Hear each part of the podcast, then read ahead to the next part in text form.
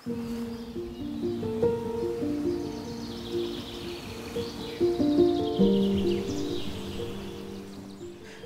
leuk dat je luistert naar de podcast van de Sacred Sex Academy. Deze podcast gaat over mijn vriendin, mijn vrouw, wil me niet oraal bevredigen.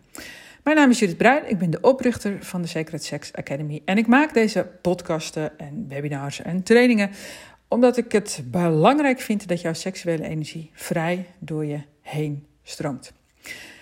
Hoe kan ik omgaan met mijn sterke verlangen om oraal bevredigd te worden terwijl mijn vriendin of vrouw dat niet wil? Een anoniem gestelde vraag. Ik weet dus niet van wie, maar ik denk van een man.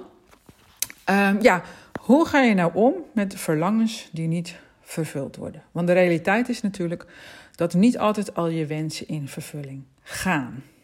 Ik vind het al heel fijn dat deze vraag uh, gesteld wordt door een man die het bij zichzelf houdt en dus niets meer verwacht van zijn vriendin, van zijn vrouw. Um, met woorden uitleggen hoe je dit nu precies doet, dat kan je iets verder brengen. hoe je nu uh, met onvervulde verlangens omgaat. Maar het luisteren naar de meditatie, genieten van je verlangen, helpt je veel beter. En dat zal ik dan uh, een linkje zetten in, in de comments. Of nee, hoe noem je dat? Nou ja, ergens uh, waar je gelezen hebt waar deze podcast over gaat, zet ik dan even dat linkje. Want ik heb het veel liever over iets anders. Er is natuurlijk een reden dat ze dit niet wil of niet meer wil. En dan zeg ik natuurlijk niet omdat iedereen per se orale seks zou moeten hebben, of dat het een streven is. Hè. Dat is net zo min als bij penetratieseks. Het is geen doel of streven. En er zit ook altijd een andere kant aan, want feit is wel dat we orale wezens zijn. Hè. Kijk maar naar kinderen, die stoppen alles in hun mond.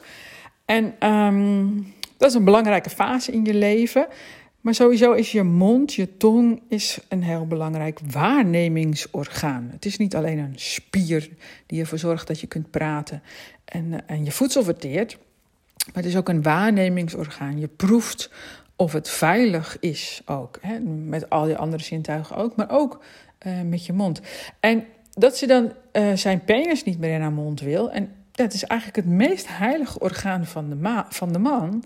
Um, ja, dat is pijnlijk voor allebei. En in mijn beleving is er dan een grote kans dat die penis ontheiligd is. Hè? Door haar, door hem, iets uit het verleden, in, uh, in hun interactie, wat je misschien beter kunt schrijven, omschrijven als miscommunicatie.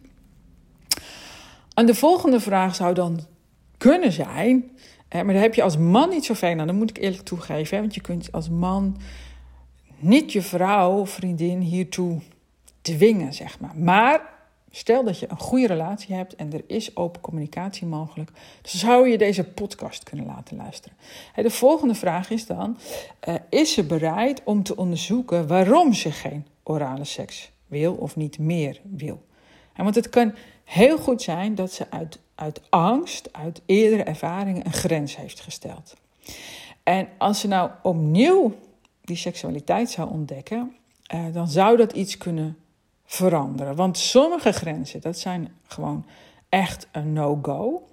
Maar andere grenzen zijn, veel vaker, zijn veel vaker een, een misschien. Um, en een misschien kan natuurlijk alle kanten op. En wat daarvoor nodig is, hè, een, een misschien kan pas een ja worden als er genoeg tijd en aanwezigheid is. En, en als dat er niet is, dan, dan wordt het sowieso een nee. Maar als er genoeg tijd en aanwezigheid is, dan kan er iets geheeld worden. En dan kan er iets wat ontheiligd is, uh, dat kan weer heilig worden. En, en dan krijgt ook de penis een rechtmatige plek weer terug in de interactie. Hè? Dus dat kan dus bij de man wel al het geval zijn en bij de vrouw niet. Dat zou kunnen, of bij de partner, maakt niet uit. Um, dus dat.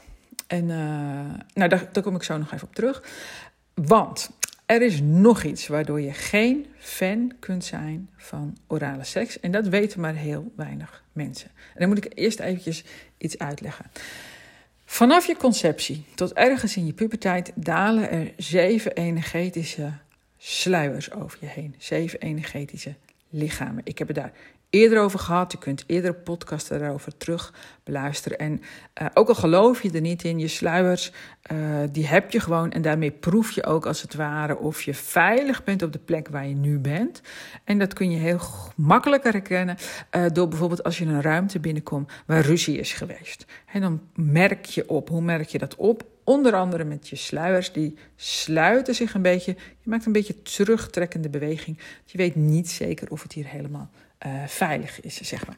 Nou, die sluiers dalen over je neer omdat je steeds verder bij je vader, moeder, verzorger vandaan gaat. En dus een soort van bescherming nodig hebt in plaats van hun.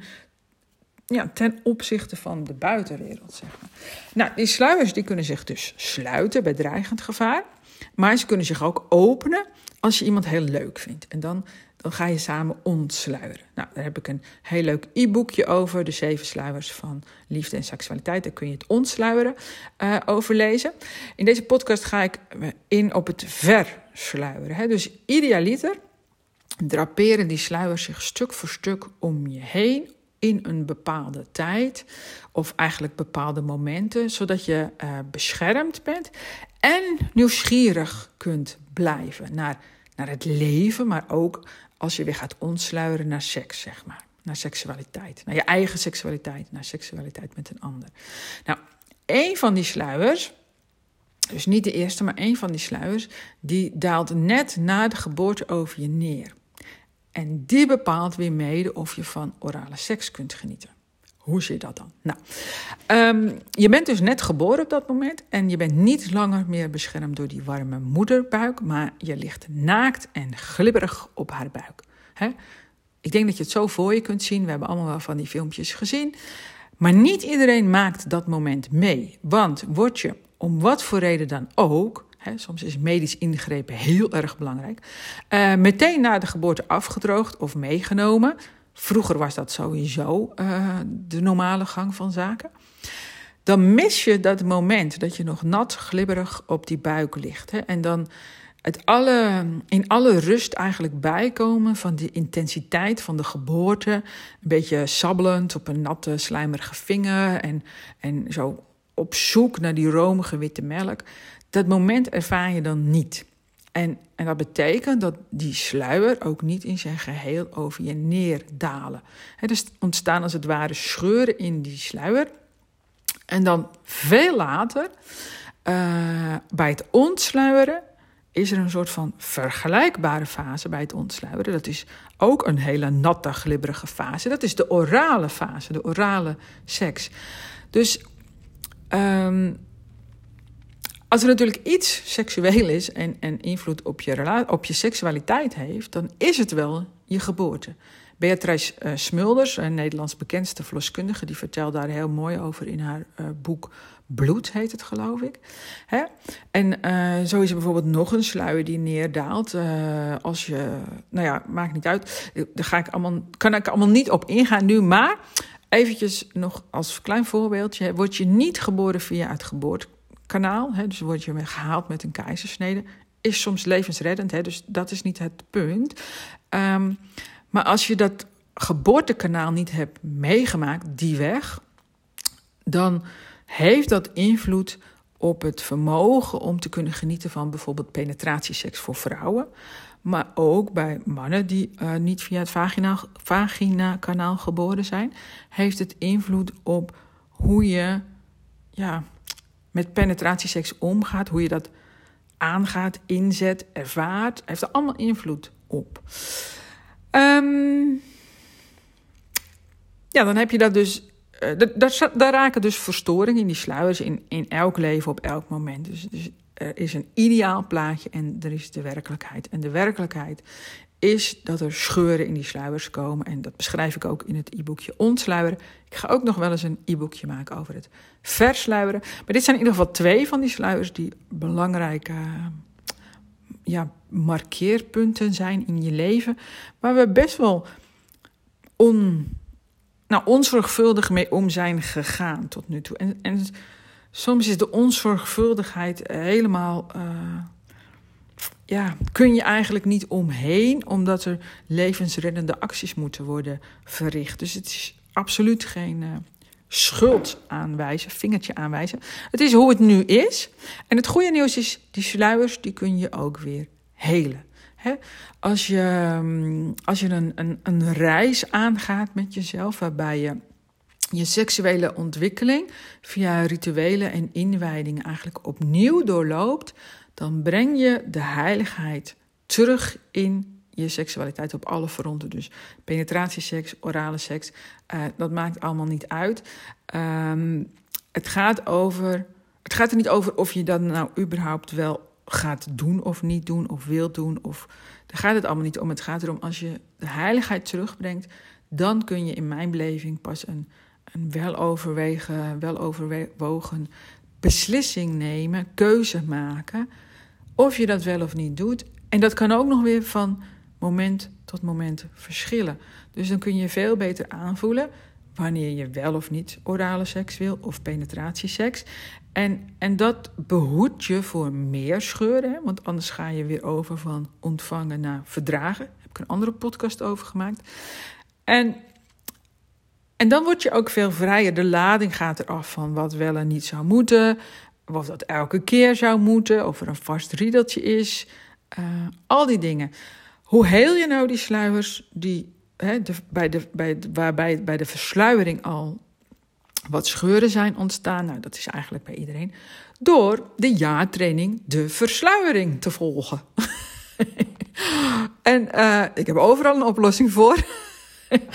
nee, zonder gekheid. Het is een, een super belangrijk iets in je leven om, om de versluiering een keer in je leven opnieuw gedaan te hebben. Omdat die sluiers beschermen je, maar zorgen er ook voor dat je uh, het leven wilt onderzoeken.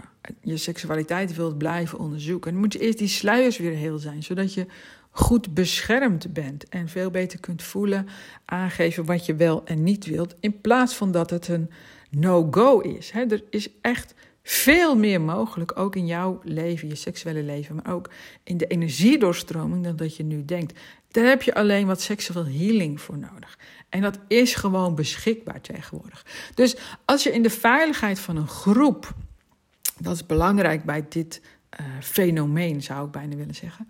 Want je maakt daarbij gebruik van elkaars draagkracht. He, dus patronen, dingen worden van generatie op generatie doorgegeven. Daar gaan we nu niet over hebben. Hoe de oplossing is dat je uh, via rituelen bepaalde inwijdingen bewerkstelligt, waardoor er zo'n kier komt in die ruimte-tijdbeleving en waardoor je alsnog je sluiers kunt helen die niet helemaal in zijn geheel over jou zijn neergedaald, omdat je sommige momenten ook gewoon hebt gemist. Maar in de inwijding is dat allemaal mogelijk om te herstellen. Het is echt super bijzonder. Ehm, voor de duidelijkheid, ook die training is gewoon met de kleren aan, zonder seksuele handelingen. Wonderlijk hoe dat gebeurt, maar het gebeurt allemaal van binnen in jou, in je innerlijke landschap. Daar vinden die verschuivingen plaats. Wil je meer weten? Lees dan eventjes verder bij uh, de versluiering op mijn website en dat is sacredsex.nl. Eh, slash de lichtstreepje versluiering. Heel eenvoudig te vinden. Daar vind je alles over een complete jaartraining. En uh, het resultaat is dat je veel meer jezelf wordt, ook in je seksualiteit. Deze zomer heb ik een tijdelijke actie voor als je meer reist op de jaarreis De Versluiering. Dan krijg je er gratis de online training Ontsluieren in je, met jezelf, dus solo zeg maar, dus zonder partner, krijg je daar gratis bij. Ook super waardevol natuurlijk en sluit heel goed op elkaar aan. Um, schrijf je dan even in voor mijn blogs, dan word je daar automatisch van op de hoogte gehouden op secretsex.nl.